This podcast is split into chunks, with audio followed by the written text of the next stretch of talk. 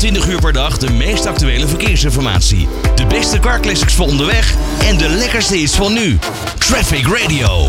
Een volledig elektrisch wagenpark, dat is het beeld wat we in de toekomst zullen gaan zien. Maar hoe kan je ervoor zorgen dat er genoeg laadpalen zijn om al deze voertuigen te voorzien van een oplaadplekje? nou ja, plekje? Dat ga ik bespreken met Roland Steinmetz van EV Consult. Roland, een hele goede middag. Ja, goedemiddag. Ja, vanaf 2030 mogen er binnen de Europese Unie alleen nog maar elektrische auto's verkocht worden. Dat betekent natuurlijk dat het aantal elektrische auto's in Nederland ook bijzonder veel eh, zal gaan stijgen. Maar ja, daar moet dan wel plek voor zijn. Op dit moment is dat er nog niet, hè? Zoveel plekken voor elektrische auto's. Nee, momenteel nog niet. We hebben er een stuk of 400.000, zeg even van de 8 miljoen auto's die we nu hebben. Um, en er zijn al best wel veel laadpunten, honderdduizenden publieke laadpunten, maar er moeten er nog ontzettend veel bij komen. Ja, over hoeveel hebben we het dan? Nou, zeg, we zeggen altijd rond de, rond de 1,7 miljoen uh, laadpunten nodig in 2030. Dus dat is een enorm aantal. En, en op welke plekken moeten die dan staan? Want dat zijn natuurlijk de bekende plekken langs de snelweg, zodat je daar bijvoorbeeld kan snel laden. Maar natuurlijk ook gewoon bijvoorbeeld in de stad en op parkeerplaatsen. Hè? Ja, eigenlijk zijn er, nou even snel gezegd, uh, de vier soorten plekken. Je hebt ze op straten, echt op de openbare weg, waar je gewoon in een openbare plek staat. Dat is één. Twee is bij bedrijven in, in, de, in de parkeergarages. Uh, drie is bijvoorbeeld bij een winkel, uh, waar, je, waar je toch even staat en een half uurtje kan, kan laden. En de vierde die je al noemt is langs de snelweg. En dat is vooral nodig als je wat langere ritten maakt en je haalt het eigenlijk niet met je normale met je, met je accu.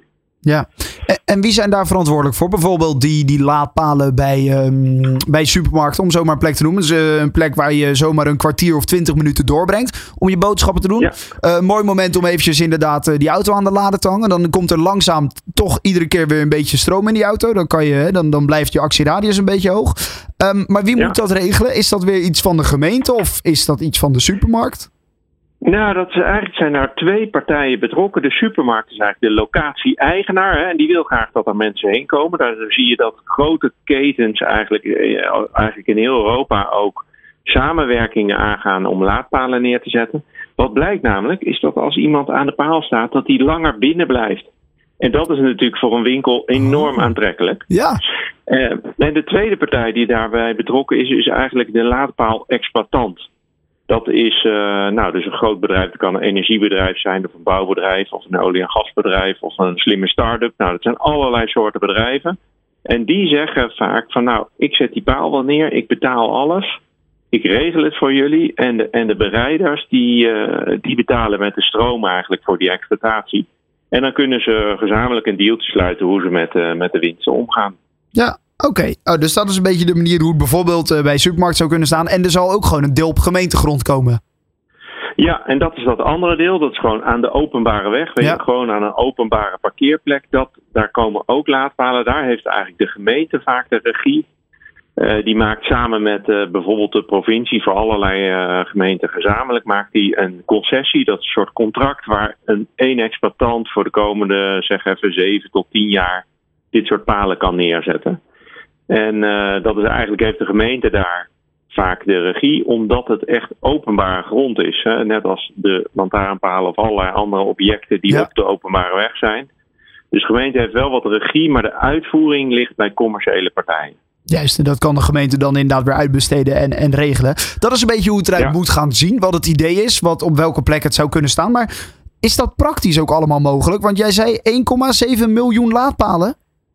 Ja, het is ontzettend veel. Ja. Maar wat we nu veel uh, berichten over lezen in de, in, de, in de krant of online is natuurlijk over congestie op het elektriciteitsnet. Nou, een ja. ingewikkeld woord voor eigenlijk file op het, uh, op het, op het stroomnet. Er is zoveel vraag en ook soms zoveel stroom opgewekt met zonnepanelen dat dat niet allemaal meer over de rijstroken van uh, de energiesnelweg kan. En uh, nou, dat is wel een, een, uh, een, uh, een knelpunt waar heel hard gewerkt wordt door, door netbeheerders en andere partijen om dat op te lossen. Maar daar zullen we dus slimmere oplossingen moeten toepassen. Zoals slim laden bijvoorbeeld, dat je s'nachts laat.